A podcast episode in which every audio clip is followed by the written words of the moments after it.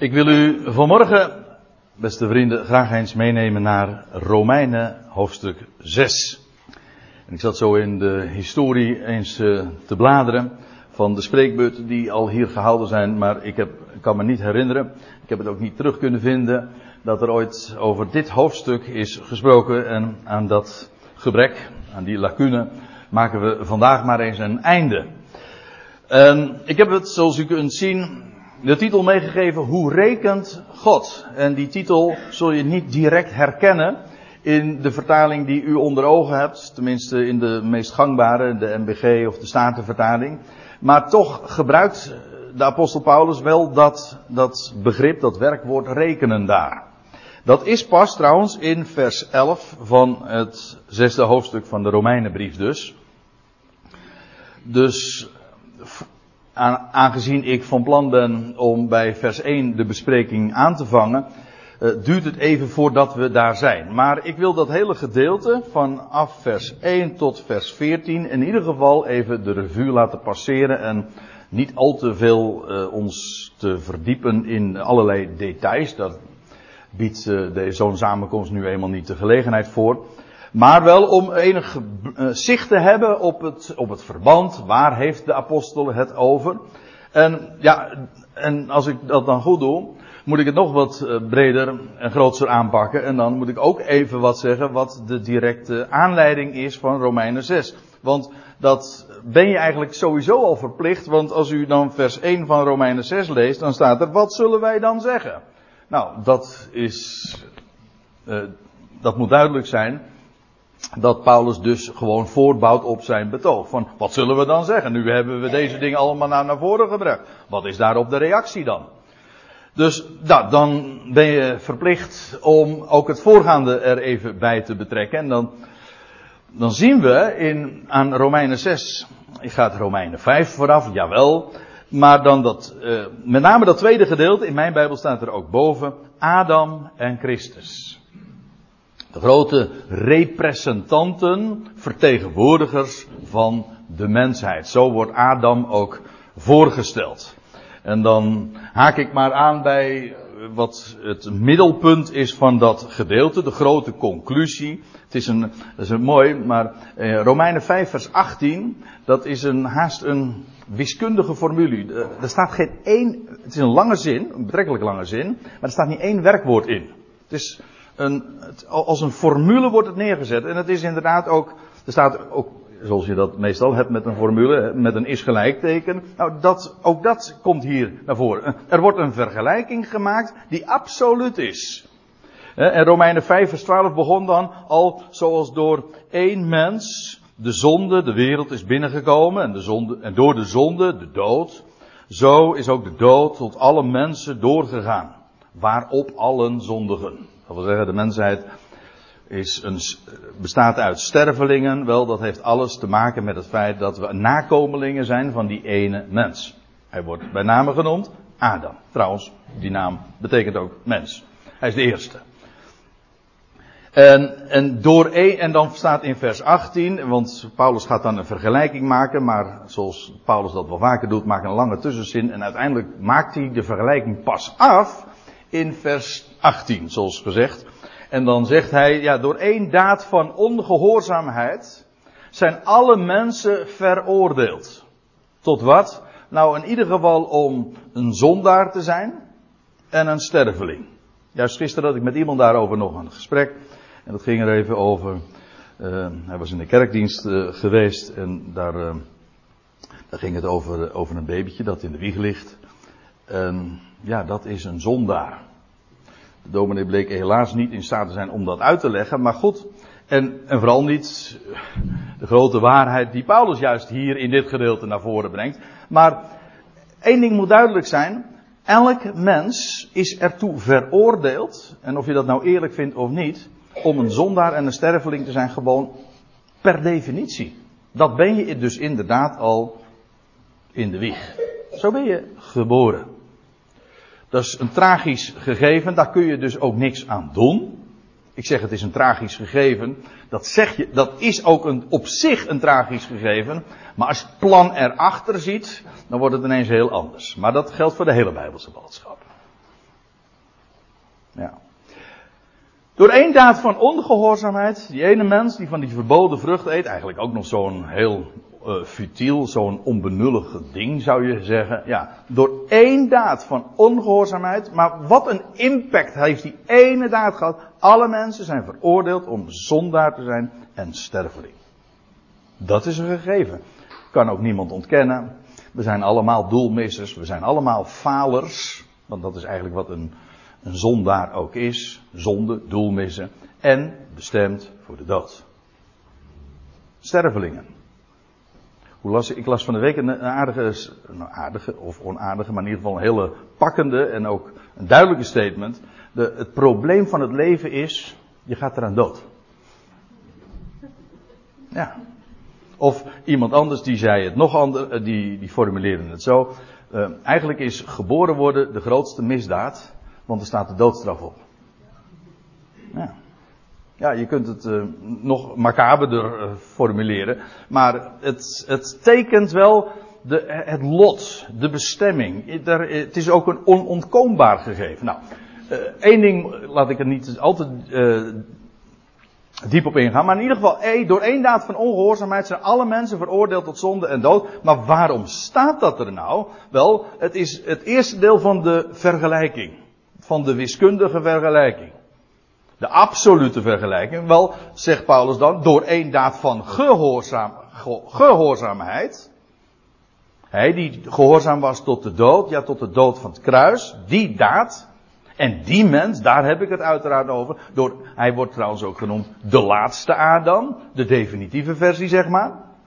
Door één daad van gehoorzaamheid zijn alle mensen bestemd tot rechtvaardiging en leven. Dit is een gegeven, bestemd, gewoon, het is een lot. En het is in beide gevallen ook door één daad van onge, uh, door één daad. Dus er zijn parallellen. Eén daad, inderdaad, ook hier één daad. Maar in dit geval ging het, dan krijg je het contrast. Ongehoorzaamheid, gehoorzaamheid. Het, de parallel is ook weer, hier had het een impact voor heel de mensheid. En hier wederom. Oh, zijn alle mensen bestemd tot rechtvaardiging. Dat moet er natuurlijk staan, ja. Alle mensen. Zo gebruikt Paulus dat ook. En hier is het veroordeeld. Maar hier is het juist bestemd tot rechtvaardiging, zonde tegenover rechtvaardiging en dood tegenover leven. En met leven bedoelt Paulus maar niet uh, dit bestaan hier, want dat noemt hij juist geen leven als je, als je het in deze uh, betrekkingen ziet. Dat bestaan hier is geen leven, dat is sterven. Dat zie je ook in, de, in 1 Korinthe 15, waar Paulus dezelfde dingen naar voren brengt. Als we het in dat perspectief plaatsen, is het bestaan hier geen leven, het is sterven. De weg naar de dood toe. Maar er is, weliswaar de mensheid is bestemd en veroordeeld tot zonde en dood, wel door één, zo ook door één daad van gehoorzaamheid. Zijn alle mensen bestemd tot rechtvaardiging en leven. Er is niets aan te doen God zij dank, daar kun je er niks aan toedoen, je kunt er niks aan afdoen. Het is een gegeven, oftewel het is een bericht. En mensen in het algemeen, in de religieuze wereld, weten maar al te goed dat dit waar is. En je moet verschrikkelijk je best doen voor dat. En daarom doet men, gelooft men ook niet in dit. Ja, maar het geweldige van het goede bericht juist is, het is een gegeven, het is een bericht. Ja, maar je moet het wel geloven. Precies. Geloof het nou maar. Degene die dat altijd zeggen, die geloven het dus niet. Hè? Dat heel, werkt heel subtiel. Je moet, maar je moet het wel geloven. Dat maar is eigenlijk dramatisch, is fataal, want dat geeft dus eigenlijk aan dat men het zelf niet gelooft. Precies, dit is alleen maar te geloven. Je kunt er namelijk niks aan doen. Dat is, je kunt er niks aan werken. Ook niet tegenwerken. Nou, dat had Paulus dan gezegd en dan uh, zegt hij er ook nog bij, uh, dit is vers 18 eigenlijk en het voorgaande, dan zegt hij erbij van de wet die kwam er pas bij Mozes, dat is 2500 jaar later, kwam erbij, maar veranderde de situatie niet wezenlijk. Het, het, het enige wat daardoor veranderde is dat de zonde meerder werd. Het was zelfs de bedoeling, ja. Paulus doet daar zeer onorthodoxe uitspraken hoor, in dat gedeelte. Hij stapelt ze op, hij heeft er aardigheid in. Kende de kerkelijke traditie natuurlijk ook niet, dat was een groot voordeel voor hem.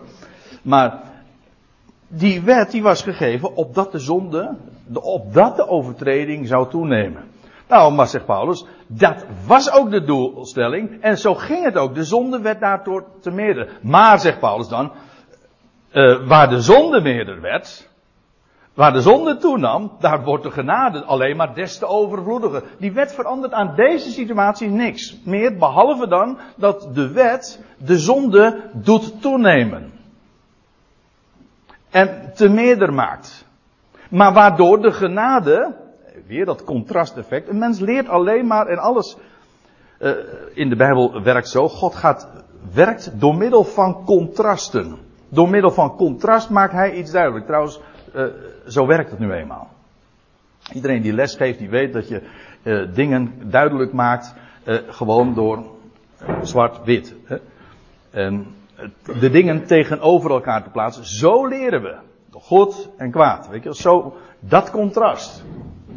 De waar de zonde toenam, dan werd de genade alleen maar overvloediger. De, met andere woorden, de genade overwint.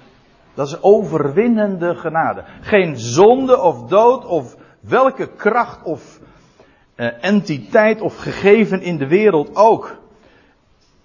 Zo machtig of groots of sterk. De genade van Hem, dat wat Hij werkt en wat Hij in zijn hart heeft, de vreugde en dat voornemen, het is overtreft per definitie en altijd. En daarom hebben we hoop, en daarom hebben we een goed bericht. Kijk, er werd de genade alleen maar des te overvloediger. Nou, dat is wat Paulus in het voorgaande had gezegd. Dan begrijp je ook heel goed waarom dan in Romeinen 6 vers 1 de vraagstelling dan luidt, wat zullen wij dan zeggen? Paulus is, uh, gebruikt hier iedere keer, dat doet hij voortdurend in met name de Romeinenbrief, een, een denkbeeldige opponent, die dan het volgende zou kunnen tegenwerpen. Of een, een, zou kunnen concluderen. En hij zei, wat zullen wij dan uh, uitspreken? Wat zullen we zeggen? Mogen we bij de zonde blijven? Eigenlijk staat er niet, dat woordje mogen staat er niet. Staat, zullen wij dan doorgaan met de zonde? Daar zit logica in. Hoe, je het ook went of keert. Ik weet dat Paulus dat radicaal van de hand wijst, maar de opponent heeft een punt. Hè? Zojuist had, was vastgesteld, waar de zonde toeneemt, dan wordt de genade alleen maar overvloediger. Nou, oké. Trek je conclusie. Dat is precies wat Paulus dan ook deze opponent laat zeggen. Laat, zullen we dan doorgaan met de zonde, opdat de genade zou toenemen? Iemand die dit zegt, heeft in ieder geval het voorgaande begrepen. Dat wil zeggen, de lijn, de waarheid dat de genade grootser is, per definitie, let op, per definitie groter is dan welke zonde ook.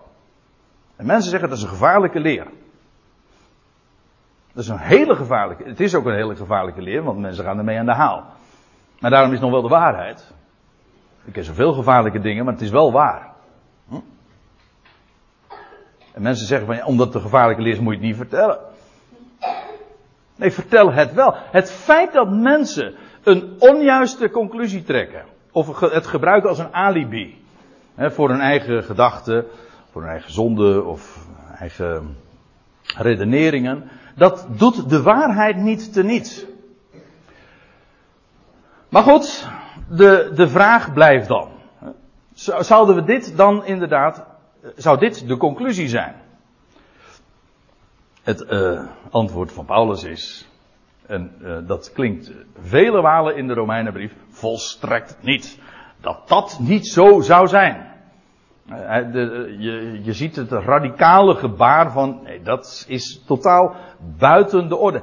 Niet omdat de conclusie aan zich fout is. Het is precies wat Paulus had gezegd. De genade is altijd overvloediger dan de zonde, want waar de zonde toeneemt, daar is de genade alleen maar des te overvloed. Dat had juist Paulus gezegd. Is dat een argument om dus bij de, om door te gaan met de zonde? Zullen we dan doorgaan met de zonde? Nee, zegt Paulus, volstrekt niet. En dan gaat hij dat ook uiteenzetten. En ik zei al, daar kan ik niet al te diep uh, op in te gaan en woord voor woord of zinsdeel voor zinsdeel. Maar we willen wel de, de, het betoog volgen wat Paulus nu uiteen gaat zetten. En nou laten we, het, uh, laten we er maar gewoon maar mee beginnen. Hij zegt immers, hoe zullen wij die der zonden gestor gestorven zijn, of die der zonden stierven, daarin nog leven? Of daarin, dat wil zeggen, in die zonde nog leven? Als Paulus dit zegt, borduurt hij ook weer voort op wat hij al eerder heeft aangegeven. Dit is namelijk nog net, dit is namelijk de andere logica. De ene logica is dat als de zonde toeneemt, dan wordt de genade overvloediger. Dat is wat de opponent, de denkbeeldige opponent had gezegd. Of had geopperd. En nou zegt Paulus, nee, want het punt is juist, wij zijn der zonde gestorven. En hoe zouden wij daarin leven? Maar nu, dit, dit, dit verdient toelichting. Nogmaals, Paulus had hier al over deze dingen gesproken in voorgaande hoofdstukken. Althans, al aanzetten ertoe gegeven. Maar nu gaat hij het heel fundamenteel ook zeggen. Hij, hij definieert, als ik het eventjes uh, duur mag zeggen, uh, onze identiteit. Wij zijn der zonde gestorven. Zeg, hoezo der zonde gestorven? Uh, zijn wij gestorven? Hm? Het loutere feit dat je dat tegen mensen zegt, het loutere feit dat je überhaupt spreekt, dat geeft toch aan dat je nog leeft, of niet soms. Hm? En het feit dat je andere mensen aanspreekt, dat betekent dat zij toch ook leven. Hoezo dan gestorven? In welke zin dan? Het, in de letterlijke, lijfelijke zin des woord zijn, stierven wij niet. Dat lijkt me nogal evident. Maar in welke zin dan wel? Nou, dat gaat Paulus dan uh, uiteenzetten.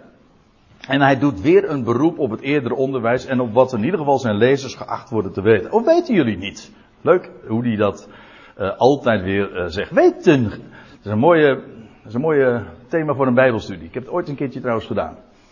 Alle, alle schriftplaatsen in de, in de brieven van Paulus, want juist hij uh, stelt die vraag zo vaak. Weten jullie niet dat? En dan kom je op een hele serie van uitspraken. Weten jullie niet dat wij de wereld zullen oordelen, dat de heiligen de wereld zullen oordelen? Weet, nou, iedere keer weten jullie niet. Hier ook. Weten jullie niet? Zijn jullie onwetend?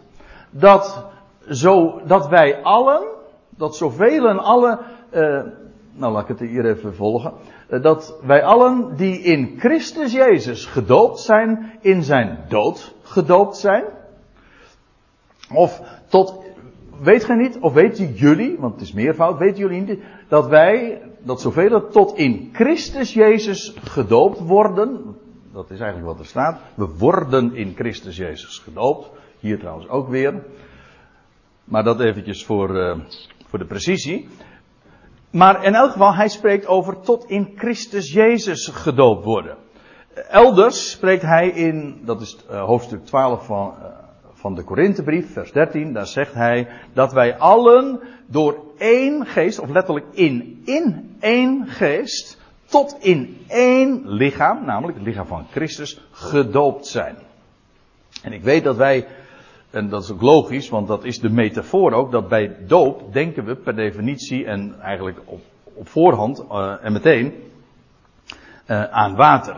Dat is niet onterecht, want je wordt gedoopt in water. Dat is de metafoor. Maar Paulus heeft het hier niet over een doop in water. Waarover heeft hij dan wel? Nou, hij heeft het over een doop in Christus Jezus. Dat is geen materiaal, dat is niet een spul of een vloeibaar spul waar je in ondergedompeld kan worden. Dat is hooguit, en dat niet alleen hooguit, maar dat is een beeld van wat de echte doop is. Dat had de Heer Jezus trouwens in zijn bediening op aarde ook al vele keren gezegd. Nee, sterker nog, de man die bekend is als de doper, dat was echt in water, die zei, wacht even, jullie kijken nou naar mij, maar na mij komt hij, Ik, nee, hij zegt, ik doop u met water, maar, of in water, maar na mij komt hij die doopt in geest. Eh, hij zegt dat uh, diverse keren, ik geloof dat het zes, zeven, acht keer zo in de evangelie ook uh, bezig wordt. In handelingen wordt het nog weer herhaald. En de Heer Jezus bevestigt dat dan ook. Maar in ieder geval, Johannes doopte in water. Maar Johannes zegt, dat is slechts een beeld van de echte doop. En die echte doop, die zal hij doen die na mij komt.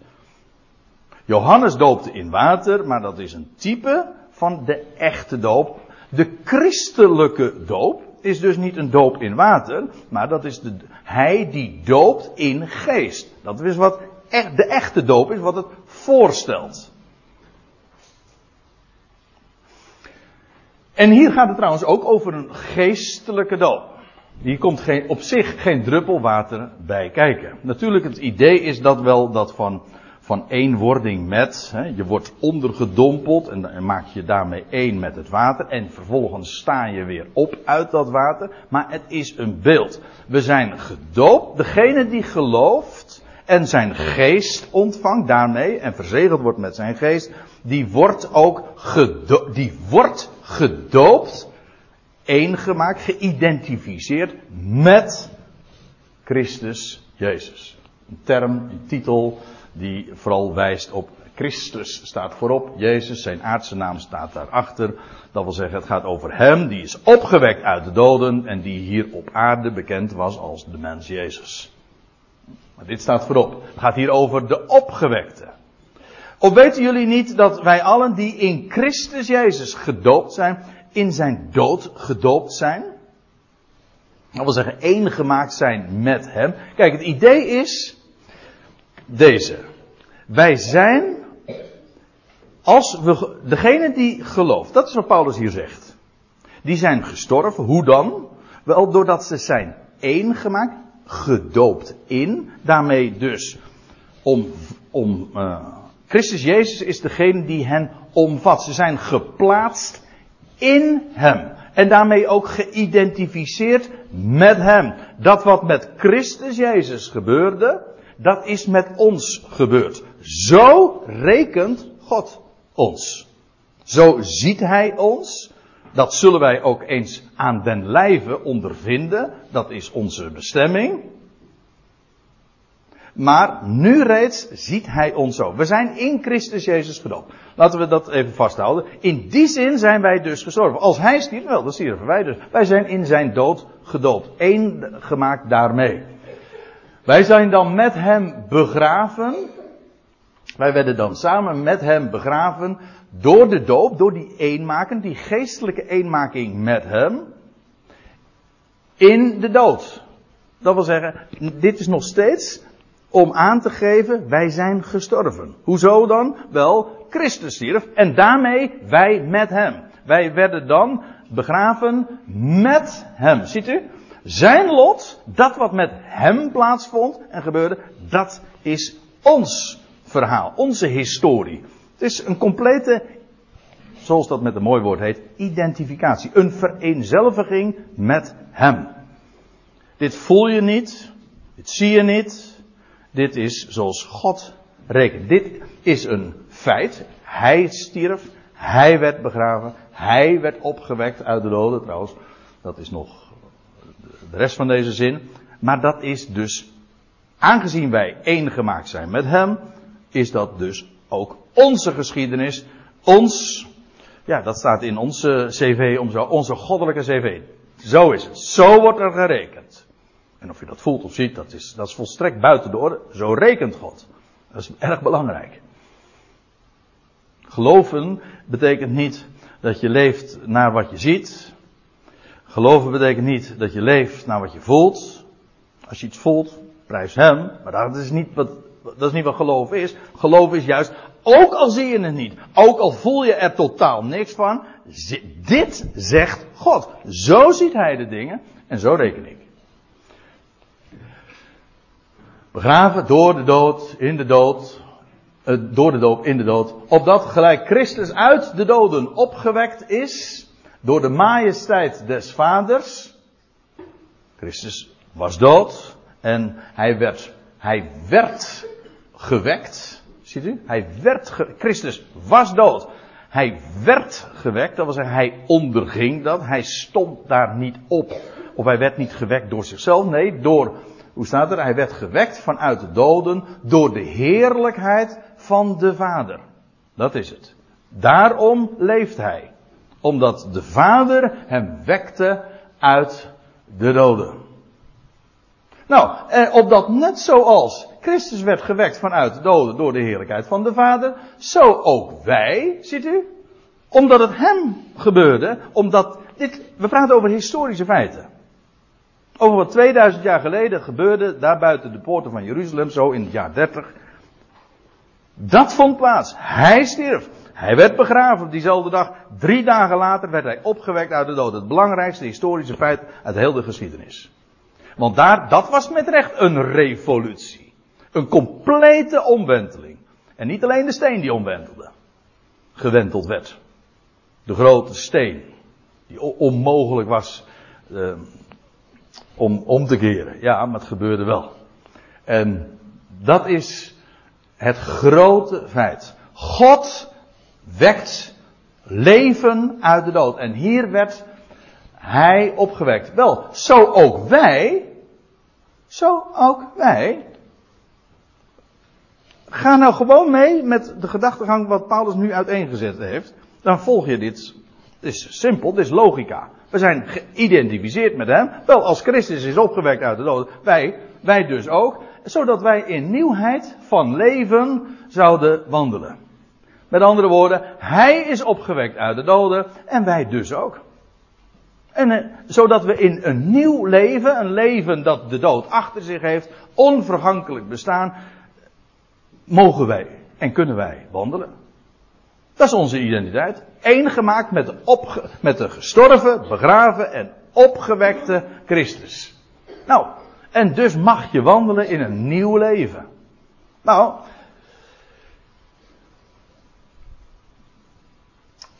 Paulus gaat het nog nader uh, aantonen en duidelijk maken. Want indien wij samengegroeid zijn of samen geplant zijn of één plant geworden, ik geloof dat de Statenvertaling zegt, om, indien wij één plant geworden zijn met hem. Nou, zo staat het eigenlijk niet. Indien wij samen geplant zijn geworden, dus één geworden gemaakt, één gemaakt zijn met hem. Indien wij één gemaakt zijn met hem in zijn dood. Waarom hij dat zo zegt. Uh, wel, hij met hetgeen gelijk is. Nou, dat gaat over die, die, die geestelijke dood, weet je wel. Wij zijn één gemaakt met hem in zijn dood, geïdentificeerd met de gestorven Christus. Zullen wij het ook zijn met hetgeen gelijk is aan zijn opstanding? Onze doop in Christus verenigt ons met de gestorven en daarmee dus ook de opgewekte Christus. Zijn positie is de onze. En dat gaat heel ver. En als je nog wat verder bladert in de brieven van Paulus en je komt in de, in zijn gevangenisbrieven terecht, dan, dan neemt Paulus nog een stap en dan zegt hij in Efeze 2 en in Colossense 1, 2, 3, gaat hij uiteenzetten dat wij ook met hem geplaatst zijn in de hemelse gewesten. Dus hij, je kunt gewoon het hele verhaal zo volgen. Hij stierf, wij met hem. Hij werd begraven, wij met hem. Hij stond op uit de rode, wij met hem. Hij voer op ten hemel, wij met hem. Waar zijn En dat niet alleen. En dus waar, is, waar zijn wij nu? Nou, Paulus zegt, zoek de dingen die boven zijn, waar Christus is, die ons leven is. Daar zijn wij. Hij zegt het zelfs zo sterk in de Colossensebrief, en daar, struikel je over. Wat, wat laat gij u? Zegt hij dan. Alsof jullie in de wereld leefden, geboden opleggen, raak niet, smaak niet en roer niet aan. Die, die, die zinsdeel, dat zinsdeel, alsof jullie in de wereld leefden. Waar zitten we dan? Nou, Paulus, Paulus logica is, niet hier hoor, daar. Daar zijn we. Dat, dat, daar, zo rekenen wij. En dit dan? Nou, eigenlijk, als je. Wees consequent. Als we daar gerekend worden, wat betekent dat ons bestaan hier dus? Wordt dus niet gerekend. En dat is dus eigenlijk, wij zeggen dan, dat is voor spek en bonen. Dat rekenen we niet mee. Dan kun je zeggen van, ik voel het wel heel erg sterk aan, ja, tot je dienst. Maar dat is nu juist het hele punt. Wij rekenen anders. En dat is het grote verschil. En trouwens, en wij, dat betekent dus dat wij nu daar ook boven zijn. En het gaat nog verder, want als Christus, die uw leven is, straks zal verschijnen in heerlijkheid, dan zullen wij dus ook met hem verschijnen in heerlijkheid. Dus het, die identificatie blijft dus. Eén gemaakt met hem. Wauw. En dat heeft grote consequenties. Met de wijze waarop je, ja, je rekent en leeft en waarbij je dus ook uh, je denken gevormd wordt. Want uiteindelijk, je heel, al je, je hele handel en wandel wordt bepaald door je denken. Of door gebrek aan denken, dat kan ook. Maar in ieder geval, hier wordt dat, uh, hier vindt het uitgangspunt plaats. Wat is jouw, wat is je beeld? Hoe reken je? Wat is je visie? Wat zeg je over je, de, de wijze waarop je jezelf, je identiteit bepaalt, klinkt, het is een beetje, klinkt als uh, psychotalk, hè, een beetje psychopraat. Maar, uh, nou ja, dat moet u me maar vergeven. Ik vind dat altijd wel interessant als, als daarover gesproken wordt. Maar zo bedoel ik het niet. Dat gaat erom, hoe, hoe identificeer je jezelf? Dat wil zeggen, hoe, wie ben je? Wie ben je? En wat, wat is je identiteit? En door wat laat je dat bepalen? Mogen anderen dat bepalen? Of definieer je dat op basis van je verleden? Of zeg je van nou, als je wil weten wie ik ben, dan, dan laat ik God aan het woord. En wat hij heeft te melden over wie ik ben. En dan zeg ik, gestorven voor de zonde. Is voorbij. Ik was een zondaar. Nou, daar kom ik nog op. Uh, we lezen eerst nog even verder. Dit weten wij immers, dat onze oude mens mede gekruisigd is. Met andere woorden, dat is over. Dat is voorbij. Onze oude mens is ook dus mede gekruisigd. Ja, als hij gekruisigd is, dan zijn wij dus ook met hem gekruisigd. Opdat aan het lichaam der zonde zijn kracht zou ontnomen worden. Dat lichaam, als, dat, als dit zo is, dan betekent dat dus dat dit lichaam niet meer beheerst wordt door de zonde. Nee, waarom niet? Wel, die zonde ligt achter ons. Zo rekenen we. Het lichaam wordt niet langer beheerst door de zonde. Dat is een belangrijk punt, maar hou het even vast. Want dit gaat nou, gaat de apostel ook vervolgens uitwerken. En wij niet langer slaven der zonde zouden zijn. En weet u, ik heb altijd gedacht, nou ja, inmiddels weet ik al een hele tijd toch wel uh, beter, gelukkig. Maar ik dacht in het verleden altijd bij zulke terminologie, dacht je aan mensen in de wereld, zondaren, en die gewoon er uh, zonder God erop losleven. Dat zijn slaven der zonde. Dat dacht ik dus. Inmiddels weet ik beter. Niet, ik ontken niet wat ik zojuist zei. Iemand die niet met God rekent, is een slaaf der zonde.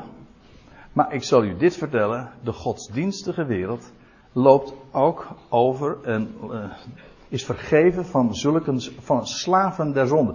Weet u wel, een slaaf der zonde, dat is iemand die beheerst wordt door de zonde.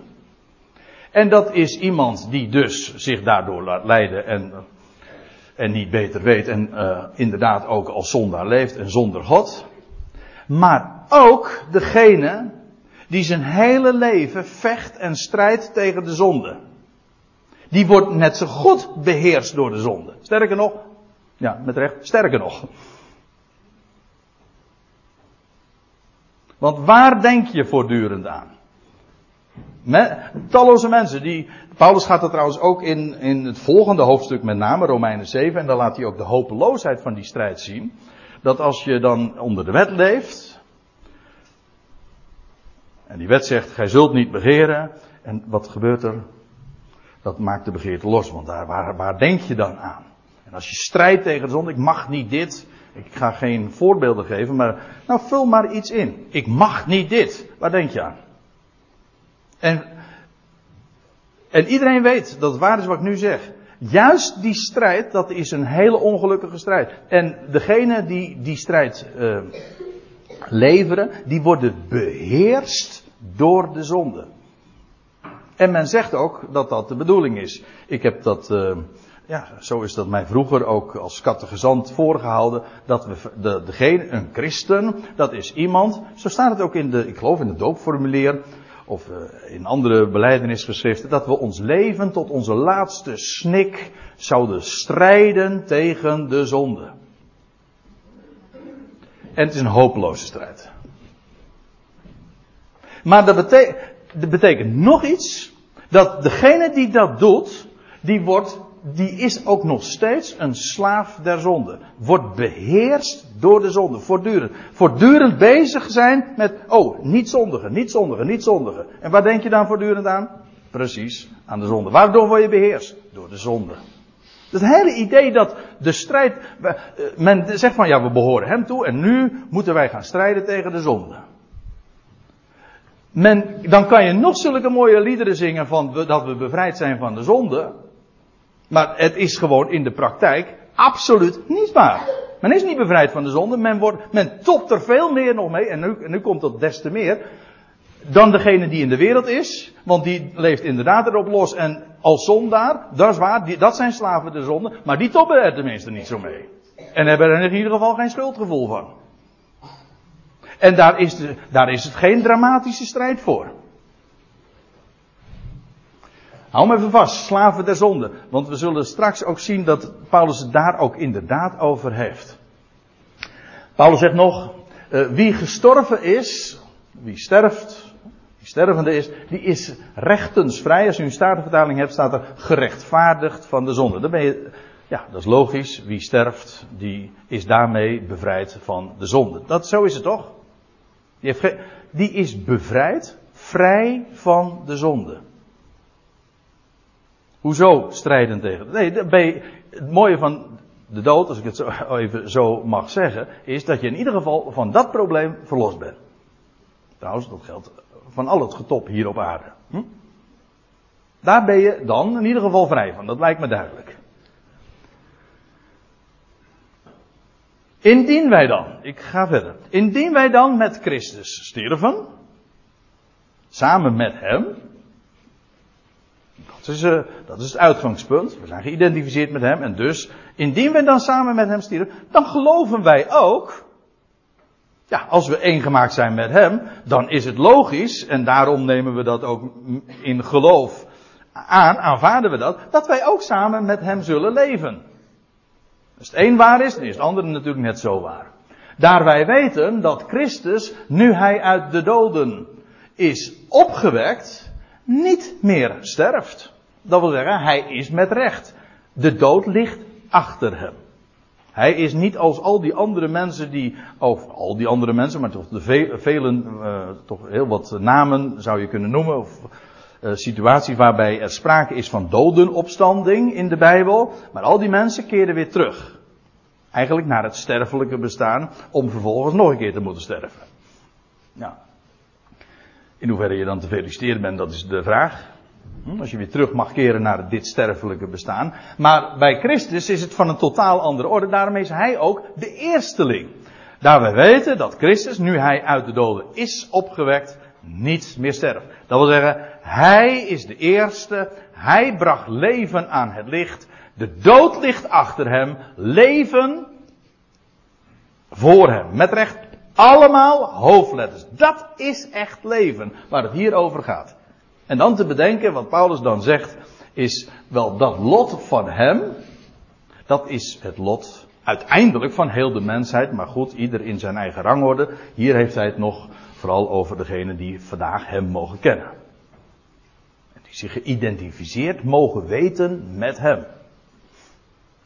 Nou, wij weten dat Christus nu uit de doden is opgewekt, niet meer sterft. De dood voert geen heerschappij meer over hem. Eigenlijk staat er, zoals u hier ziet in die interlineair, de dood, uh, hij is, de dood is geen heer meer van hem. Is niet meer zijn curios. Daarvoor wel. Hij was een, ook een sterveling. En, maar nu niet meer. Hij wordt niet meer beheerst door de dood.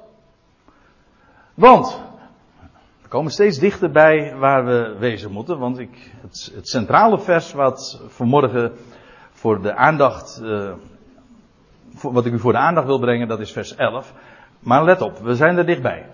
Want, wat zijn dood betreft, is hij voor de zonde eens voor altijd gestorven. Hij stierf voor de zonde bij één enkele gelegenheid, dat wil zeggen eens en voorgoed, voor altijd. Dat ligt dus achter hem.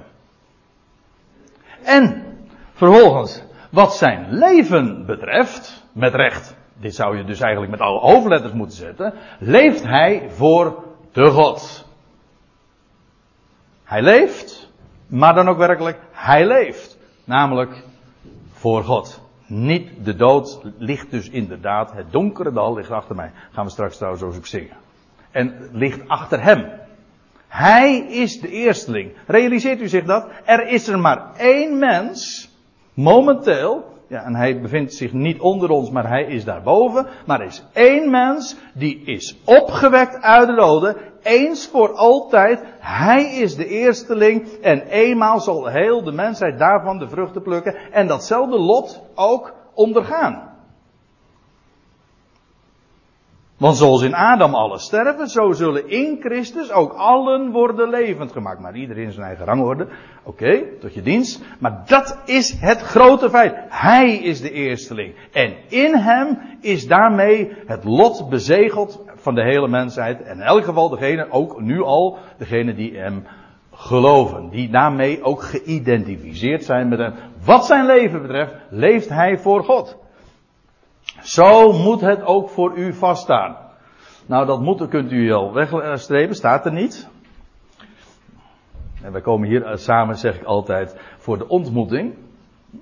En ik wijs u er heel graag op, die, al die keren, tientallen, misschien wel, misschien uh, uh, is het nog met tientallen niet eens genoeg, maar al die keren dat er in onze Nieuwe Testament, met name de moderne vertaling, hebben daar een handje van om uh, het woordje moeten er toe te, aan toe te voegen. Staat de vertaling niet.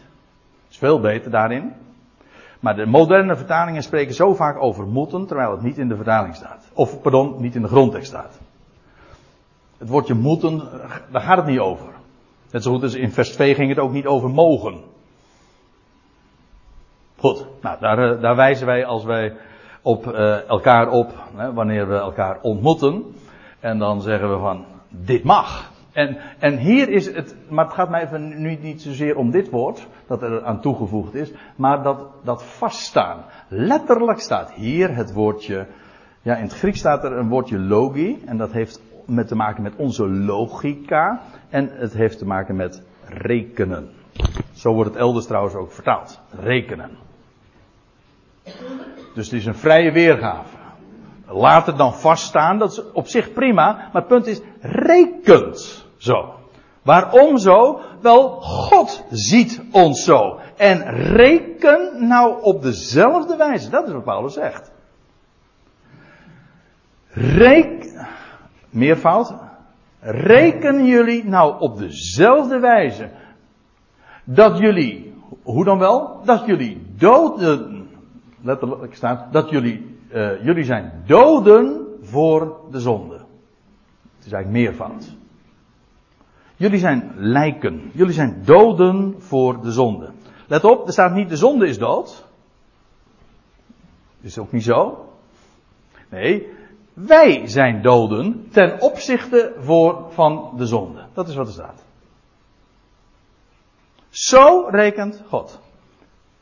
Of, dat vind ik een mooie, Romeinen 5 vers 8. Paulus zegt, wij waren zondaar. Toen wij nog zondaars waren. Zijn wij dan geen zondaars meer? Dat is een goede vraag. Zijn wij dan geen zondaars meer? En dan kun je zeggen, ja, nou ja, als ik eh, kijk naar mijn ervaringen en mijn belevenissen en naar de afgelopen week, of wat wij van elkaar zien, en dan kijken wij van elkaar, dan zeg ik, ja, daar is wel wat voor te zeggen. Sterker nog, dan denk ik wel eens een keertje, ik zie weinig verschil tussen andere mensen. Tussen deze mensen, zeg maar, en de, degenen die daarbuiten zitten. Maar nu even zoals God rekent. En God zegt, je bent in Christus Jezus. Is Christus Jezus volmaakt? Yes. Hij stierf eens voor de zonde en wij zijn met hem gestorven. En wij zijn met hem levend gemaakt en we wandelen in een nieuw leven. God, kijk, dit zullen wij eens zijn. En God ziet ons nu al zo. Dit is ons onvergankelijk, ons definitieve lot. Wij definiëren ons altijd op basis van dingen van het verleden. God, maar God doet dat niet. God zegt, dit is mijn bestemmingsplan. Zo zie ik jullie. Nou, reken dan ook op die wijze. Wij zullen eens, wij zullen straks volmaakt zijn, zeggen we dan. Dat is ook zo. Zo ziet, maar zo ziet God ons nu reeds. Door die bril. Ja, welke bril zet je op? Hoe reken je? En dan word je heel laconiek naar dit bestaan. En dus, want dan zeg je, wij waren zondaren. Waarom? Wel, we zijn in hem geplaatst. In hem ben ik rechtvaardig volmaakt, zonder vlek of rimpel, om eh, met een ander woord nog te spreken, in zijn ogen. En daarom, uh, ja, je hebt, van, je van die opwekkingsliederen dat er dan gezongen wordt van, hier, ik kan me niet herinneren dat we het hier ooit gezongen hebben en wat mij betreft gaan we het ook nooit zingen. Zie mij voor u staan. Zondig en onrein. Ik krijg het niet over mijn lippen. Denk van, nou, als, Trouwens, als ik het wel over mijn lippen zou krijgen, dan zou ik niet gaan staan. Hm? Want dat is, als je zondig en onrein bent, dan lig je volgens mij en dan lig je er hopeloos bij. Ik sta inderdaad wel, maar omdat ik sta, ben ik levend, omdat ik met hem opgewekt ben. En dan ben ik niet zondig, dan ben ik volmaakt, dan ben ik gerechtvaardigd en ben ik rein. Zie mij in, niet Zie mij niet voor u staan zonder en orde. Zie mij in hem staan. Nee, ik, nog sterker, het is geen bede. Het is een feit. Het is een gegeven. Je dankt God. U ziet mij in hem, in Christus Jezus staan. Volmaakt, rechtvaardig, rein. Kijk, dat is mijn identiteit. Wie ben jij? André Piet. En dan kun je natuurlijk allemaal, want zo doen we dat. Hè? Dan zeggen we van, uh, wij definiëren onszelf dan met onze uh, zondige beperkingen. Ja, ik ben, uh, goh, noem eens wat. Ik ben een drugsverslaafde. nou ja, noem nog eens wat. Vul dit gewoon voor uzelf naar zin. Hè? Dan, dan definieer je jezelf naar je zondige beperkingen. Nee. Dat ligt achter mij. En let op wat Paulus zegt. Kijk, de, hier rekent hij dus gewoon niet meer mee. En voor zover het er is, is het voor spek en bonen. En wat is dan het alternatief? Want hoe kun je nou dood zijn voor de zonde? Want mensen zeggen dan van ja, dat, dat dood zijn voor de zonde betekent dat je je best doet om niet te zondigen. Nou, dat is onzin. Want een dode doet namelijk helemaal niks. Die communiceert niet met. Dat is juist, we zijn bevrijd van de zonde. Hoe men hier de gedachte aan gekoppeld heeft van we moeten vechten tegen de zonde, vind ik altijd nog absurd. De boodschap is we zijn vrij van de zonde. Het was, ik, welke conferencier het was, weet ik niet. Het zou zomaar Fons Jansen geweest kunnen zijn. En die zei van, nou, die christenen die zeggen wel dat ze uh, bevrijd zijn van de zonde, of ze zingen dat. Maar ik, uh, als ik naar hun gezichten kijk, dan zie ik er weinig van. Hm? Want waar, waar toppen ze mee? Ze staan juist al onbekend in de wereld als de mensen die juist slaven zijn van de zonde en altijd maar beheerd worden door de zonde en tobben daarmee. We zijn ervan bevrijd. Dat je dood bent voor de zonde, dat ligt achter je. En wat is het alternatief dan? Want dood zijn voor, dat betekent dat je niet rekent met. Maar wat is niet rekenen met de zonde? Dat betekent dus dat we daar geen aandacht aan geven. Maar dat kan alleen als er een alternatief is. Kijk, als ik zeg van je mag, eh, dat is een bekend voorbeeld, denk niet aan blauw, dan denkt u aan blauw. Maar als ik zeg tegen u van denk aan rood en ik ga u al uh, en, ik, eh, en ik, ga rode dingen schilderen, dan, dan, alleen dan, kun je ook niet aan blauw denken. Je, ik bedoel dit te zeggen, er is een alternatief voor nodig. Het is niet voldoende om te zeggen van ja, je, je moet dood zijn voor de zonde, want dat is onzin. We zijn doden voor de zonde, maar we leven voor God in Christus Jezus. We zijn, we waren do, we, we zijn doden voor de zonde, lijken dus, maar wij zijn levenden echter voor de God in Christus Jezus. Nou, hier heb je het weer.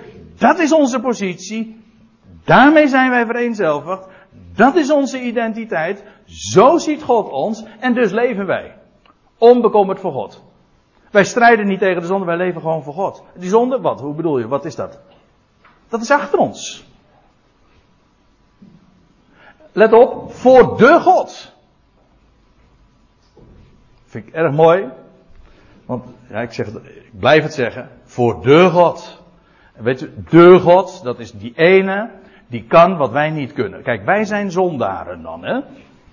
En zondaren, dat zijn mensen die falen. Maar wat hij, dat is zonde. Maar wij kennen een God. En die is bij machten te doen wat wij niet kunnen. En als we leven voor God, dan ligt de zonde achter ons. En we leven voor Hem. We, zijn, we, we rekenen zoals God ons rekent. En we danken Hem voor het feit dat Hij ons in staat stelt, op voorhand, dat is geen bede, wij danken Hem voor het feit dat Hij ons in staat stelt om voor Hem te leven en daartoe alles geeft. Kijk, dat Hij kan wat wij niet kunnen. Als je alleen maar hebt over, ja, goh, ik kan niet. Ja, en ik probeer, dat is ook nog zo'n mooi woord. Hè? Weet u dat dat, uh, dat zijn de gevaarlijkste beren die er zijn. Hè? Je hebt ijsberen, je hebt uh, grizzlyberen. Maar proberen, dat zijn echt hele gevaarlijke beren. Voed ze niet. Geef ze geen eten. Weet u waarom niet? Daar zit het, eigenlijk, in proberen is zo'n typisch woord waarin de zonde, het falen, het doelmissen al ingebakken zit. Vind ik altijd heel leuk. Als je zegt, ik, ik probeerde de deur open te doen. Dan is het je dus niet gelukt niet proberen. Wij leven voor de God. Wij proberen niet, wij strijden niet tegen de zonde. Wij leven voor God.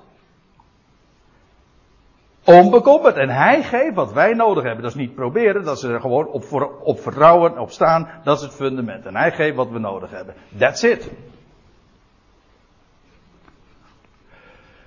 Laat dan de zonde niet langer als koning heersen in uw sterfelijk lichaam. Nou, dat is het. Het donkere dal ligt achter mij. Laat dan de zonde niet langer koning zijn. Eh, laat je dus ook niet langer beheersen door de zonde. Want als je denkt dat jij, als je zegt ik ben een zondaar, weet u wat het betekent? Dan zul je leven als een zondaar. Oké, misschien die zijn best doet om niet te zondigen, maar u weet wat, als u niet wil weten, of als u wil weten wat er dan gebeurt als je probeert niet te zondigen, moet u Romeinen 7 eens lezen. Dat is een hopeloos verhaal. En mensen denken dan van dat dat het normale christelijke leven is. Altijd maar te strijden tegen de zonde. Nee, dat is niet normaal. Het normale christelijke leven is dat we rekenen zoals God rekent.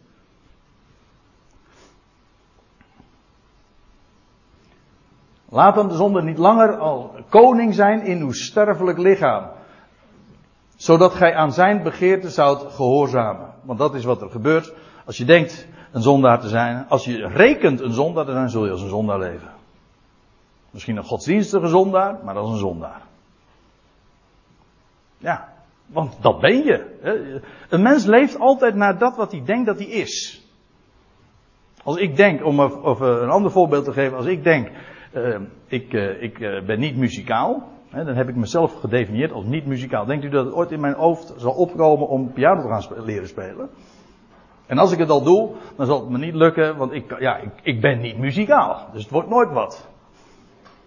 En zo mensen, denken, ik ben een zondaar. Nou, dan ben je eigenlijk, dan lig je al, dan ben je gedoemd om te zondigen. En weet wat er dan gebeurt, die is dan koning in jouw leven. En je gaat uit van jouw beperkingen, van wat jij niet kan. Jouw eigen falen. Het falen zit er meteen al ingebakken.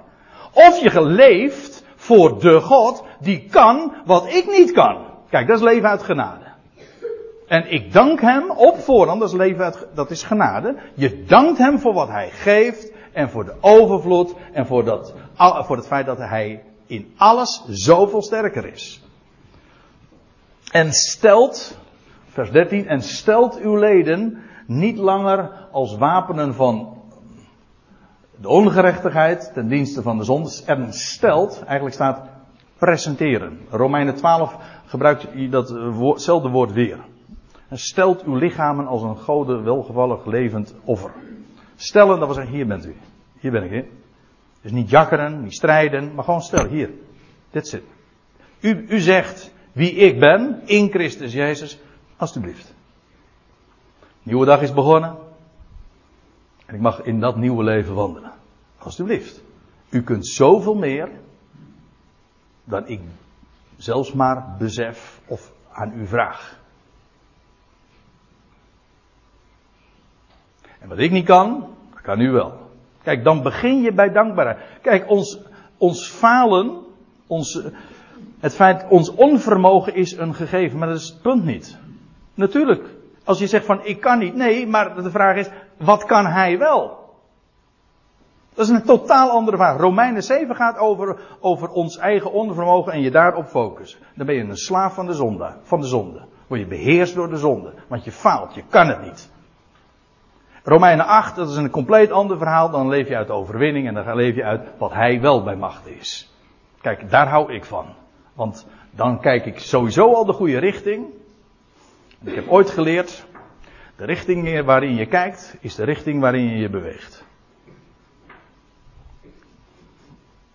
Ik heb, uh, ik heb nooit een slipcursus gedaan, maar ik heb wel eens iemand gehoord die een slipcursus heeft gedaan. En die vertelde, en dat vind ik altijd een hele mooie les. Dat was een van de eerste dingen die je die leerde tijdens die slipcursus. En die, hij vertelde, uh, als je dan in, uh, in, de, in de slip terechtkomt, je raakt de controle over de stuur kwijt, dan is de natuurlijke reactie, de eerste aanzet, gewoon zo zit de psyche van de mens in elkaar, om te kijken in de richting waarin je bang bent te gaan. Bijvoorbeeld, je komt in de slip terecht en je zou in de sloot terecht komen, ben je bang. Wat doet een mens? Hij kijkt naar die sloot, want daar wil je niet in terechtkomen. De eerste les die je leert uh, op een slipcursus is, kijk in de richting waar je naartoe moet. Niet kijk in de richting waar je bang bent, want het punt, waar, hoe zit het in elkaar? Uh, de mens stuurt, gewoon zijn automatisme, in de richting waarin hij kijkt. Als je focus gericht is daar op die sloot, dan ga je, dan ga je automatisch naar die sloot toe. Dus tijdens een slipcursus leer je nog hele belangrijke geestelijke lessen. Alleen daarom zou het al aanbevelenswaardig zijn om dat te doen. Kijk in de richting waar je, kijk, wij kijken in de richting van de God die bij machten is, die geeft, die genade geeft, die inderdaad overwinning geeft in zijn zoon. Leef daaruit, kijk daarnaar. Dat is de richting waarin je leven dan ook zal gaan. Laat al die mensen die zeggen dat het een gevaarlijke leer is, maar praten. Dit is zo'n voortreffelijke waarheid om uit te leven. Dan leef je ook echt.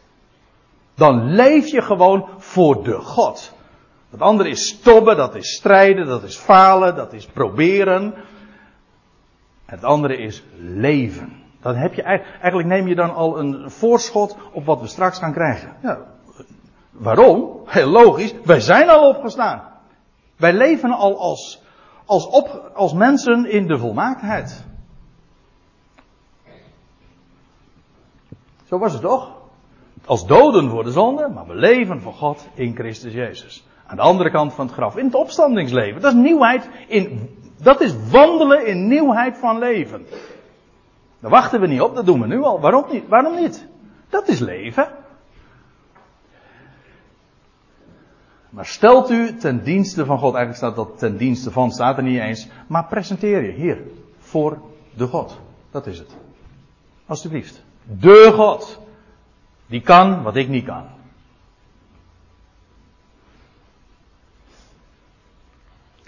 Als mensen die, eigenlijk staat er dan letterlijk, als vanuit de doden levenden.